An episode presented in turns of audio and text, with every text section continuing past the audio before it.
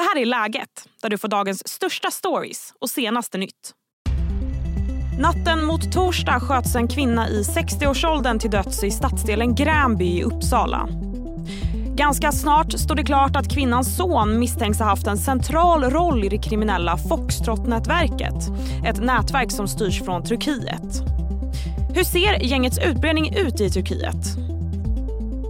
Men det blir inte bara hemskheter i dagens avsnitt. Vi kommer också försöka lätta upp stämningen lite med streamingtips. Som vanligt får du även de allra senaste nyheterna. Jag heter Sally Sjöberg. Med mig nu har jag Expressens krimreporter Kim Malmgren. Hej Kim! Hejsan! Ja, Kim, vi ska strax prata om Foxtrots utbredning i Turkiet. Men först, vad är det senaste vi vet om den här skjutningen? Det senaste vi vet det är att det sitter två personer anhållna. Eh, det är två män, en man och en pojke. En av dem är minderårig. Eh, nu har ju polisen lite tid på sig här att försöka lägga det här pusslet som krävs innan det blir tal om häktningsförhandlingar. Då är det senast på söndag. Mm. Foxtrot styrs ju från Turkiet och det här beror ju dels på att eh, kurdiska räven, då, ledaren, eller Rawa Majid som han egentligen heter, att han är där. Hur kommer det sig att han är i Turkiet? Han har varit på flykt från rättvisan kan man väl säga. Han har varit häktad i utevaro i Sverige sedan sensommaren 2020 misstänkt för väldigt omfattande narkotikahandel. Sen har det tillkommit ytterligare en grej som han är häktad i utevaro för. Det är förberedelse till mord och sen så får man väl säga att hans namn formligen kryllar i olika utredningar. Det handlar både om grova narkotikabrott och grova våldsbrott. Han har då tagit sin flykt till Turkiet där han har blivit medborgare. Så som storpolitiken ser ut så överlämnar Turkiet inte sina egna medborgare till Sverige. Man har gjort eh, sådana formella överlämningsförfrågningar till Turkiet men då fått nej avseende dessa. Mm. Sen en tid tillbaka har vi kunnat läsa om att det pågår en splittring i Foxtrot. Va, vad vet vi om det här? Ja, det har vi fått höra från många olika håll. Ett, en sak som är ett problem i det här är att det finns inga säkra informationskanaler egentligen så man får bygga lite det blir lite av en mosaik eller ett pussel som man får bygga med, med bit för bit. Men vi vet att personer som tidigare har stått nära Rawa Majid antingen har, har distanserat sig själva eller hamnat i, i onåd hos honom. Eh, och att detta har, man pratar om att det har skett en del våldsdåd i Turkiet som kan ha svensk koppling. När jag pratar med svensk polis om detta, sådana som, eh, som arbetar med att försöka hålla ett uppdaterat läge, så, så säger även de att det är jättesvårt att få konkret information. Men den sammantagna bilden är att det finns en splittring i Foxtrot-nätverket och att folk som tidigare stod ganska nära Rawa Majid nu kanske snarare betraktar honom som en fiende och vice versa. Vad vet vi om kopplingen mellan det som hände i Gränby och, och hur, huruvida det har med den här splittringen att göra? Den här kvinnan som blir mördad i Gränby, hon är mamma till en man som tidigare har stått Rawa Majid nära, som har, haft, eh, som har utpekats för att ha en nyckelroll i hans narkotikahantering. Den här mannen har en, en historik av narkotika. Han har också varit i Turkiet med och omkring Rawa Majid under lång tid. Eh, så vitt vi har kunnat utröna så har någonting hänt mellan dem. Vi vet inte vad det är som har skapat den här sprickan. Men om vi går tillbaka till den här splittringen i Foxtrot då, så, så har de två eh, enligt uppgifter hamnat på varsin sida.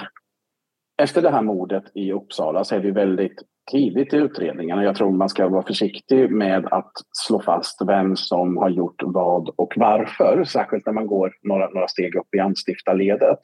Men tydligt är att det finns personer i den här familjen som har levt med eller upplevt sig leva med en hotbild i alla fall från Foxtrot-nätverket.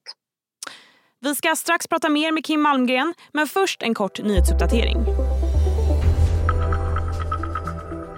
En person är död och två är allvarligt skadade efter ett grovt våldsdåd i Vallentuna nu på morgonen. Enligt uppgifter till TV4 är det ett barn som knivhuggits till döds. Polisen har bekräftat att en person är avliden och att mord utreds men vill inte uttala sig om huruvida någon är misstänkt eller åldrar på de skadade. Polisen säger också att man just nu inte söker efter någon gärningsperson. I onsdags upptäcktes det första svenska fallet av afrikansk svinpest. Nu har ett område på nära 1000 kvadratkilometer spärrats av för att begränsa smittan. Området kommer att sökas igenom efter döda vildsvin som ska provtas. Igår fick vi veta att programmet Biggest Loser försvinner från TV4s tablå. Nu kommer nyheten om att ytterligare två program pausas. Den här gången handlar det om Parlamentet och Karl Fredrik på Österlen. Det är klart att det är lite tråkigt, säger ett av programmens huvudpersoner, Karl Fredrik Gustafsson. Hej, Ulf Kristersson här. På många sätt är det en mörk tid vi lever i. Men nu tar vi ett stort steg för att göra Sverige till en tryggare och säkrare plats. Sverige är nu medlem i Nato. En för alla, alla för en. Vi är specialister på det vi gör, precis som du. Därför försäkrar vi på Swedea bara småföretag, som ditt. För oss är små företag alltid större än stora och vår företagsförsäkring anpassar sig helt efter firmans förutsättningar. Gå in på swedea.se företag och jämför själv.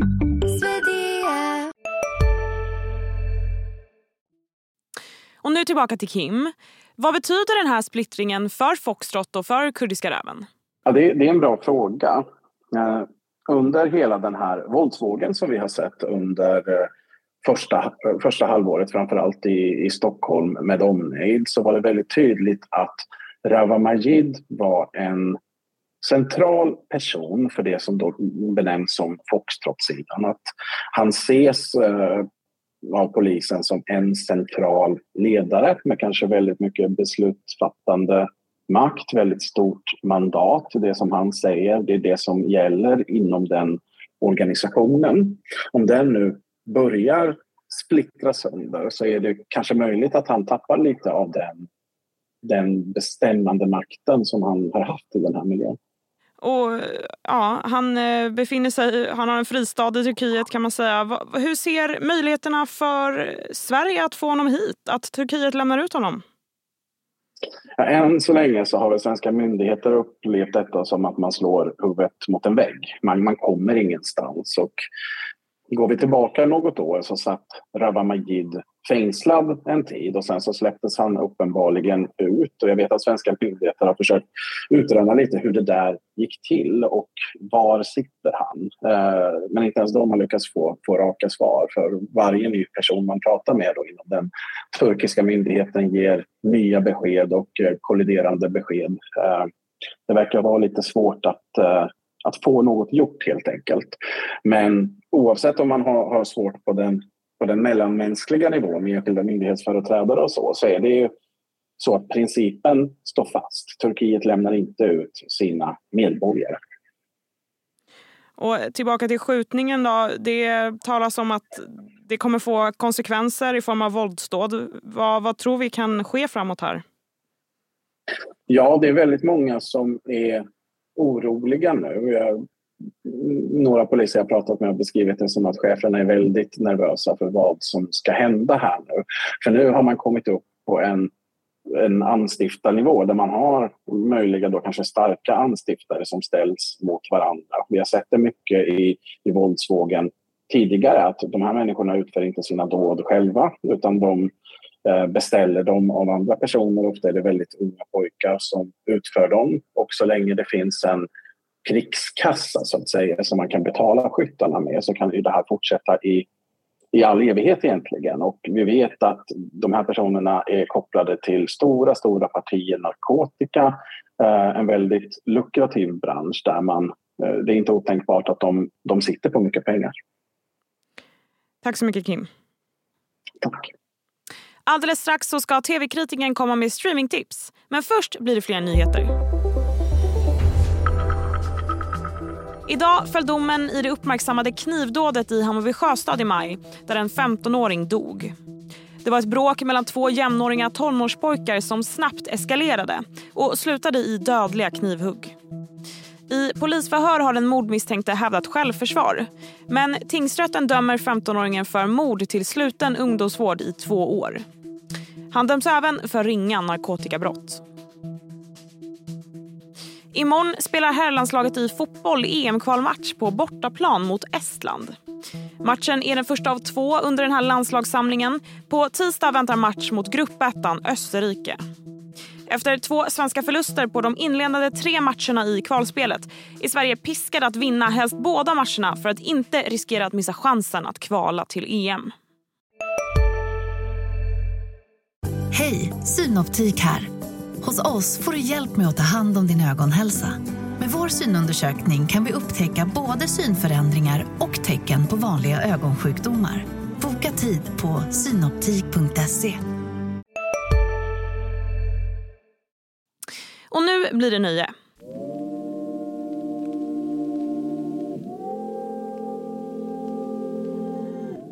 Det är fredag och vi ska få streamingtips.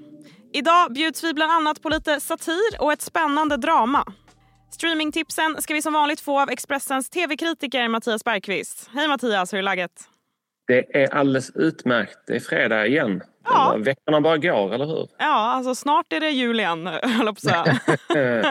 ja, det blir, ser man fram emot att kunna såga alla nya julfilmer.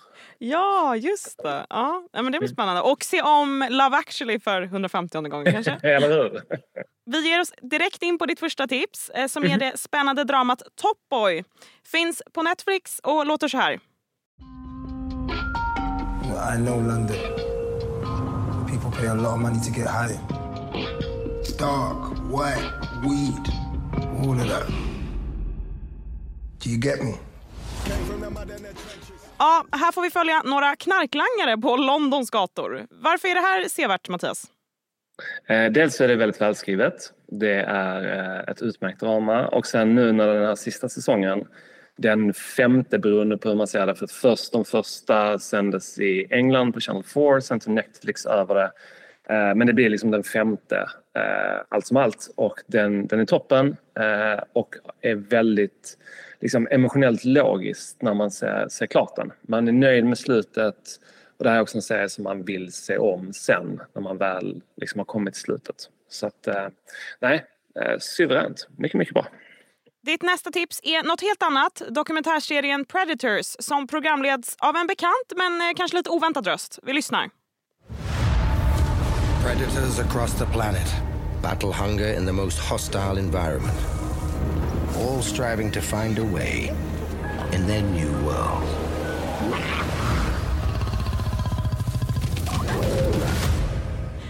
Ja, Tom Hardy, känd från bland annat Peaky Blinders, är den som håller oss i handen här. Alltså. Hur funkar det här? Det funkar alldeles utmärkt. Det, det man kanske inte vet är att Tom Hardy, förutom att vara skådespelare, så läser han också in ljudböcker för barn som eh, liksom är inom genren godnattsagor. Han har en väldigt, väldigt tilltalande röst och mysig. Här funkar det väldigt bra just för att hans röst också har lite den här Eh, råa energin som man tänker sig att de här rovdjuren som det handlar om, att de faktiskt har.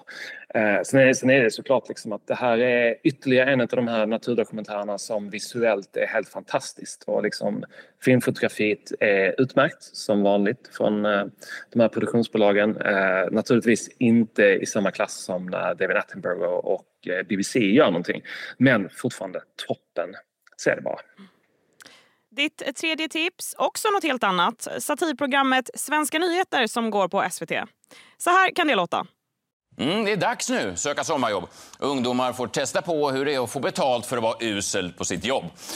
Om du älskar att vänta i 40 minuter på en latte, då är det strax högsäsong. Men ett första jobb... Ja, humor är ju ganska svårt. Hur ofta lyckas de med skämten och ofta faller det platt? Vad säger du? Alltså det går ju upp och ner såklart. Svenska nyheter är ju ett program som är beroende på vad som har hänt i veckan så att säga politiskt. Det är också ett program som är väldigt beroende av sina manusförfattare. Jag tycker att Messiah Hallberg som, som nu har kört programmet ett tag och är tillbaka den här säsongen som programledare.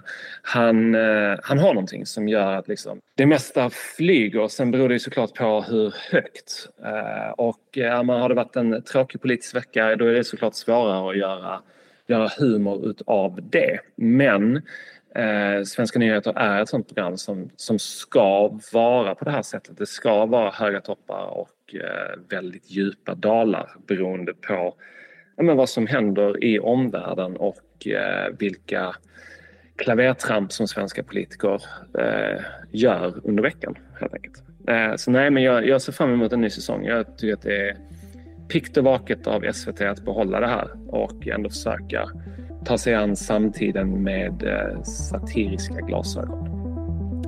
Tack för de tipsen Mattias och trevlig helg. Detsamma. Det var allt för idag. Glöm inte att följa läget i din podcastapp så att du aldrig missar några avsnitt. Podden är tillbaka på måndag igen. Tills dess så kan du läsa nyheter i Expressens nyhetsapp. Tack för att du har lyssnat och trevlig helg! Du har lyssnat på en podcast från Expressen. Ansvarig utgivare Klas Granström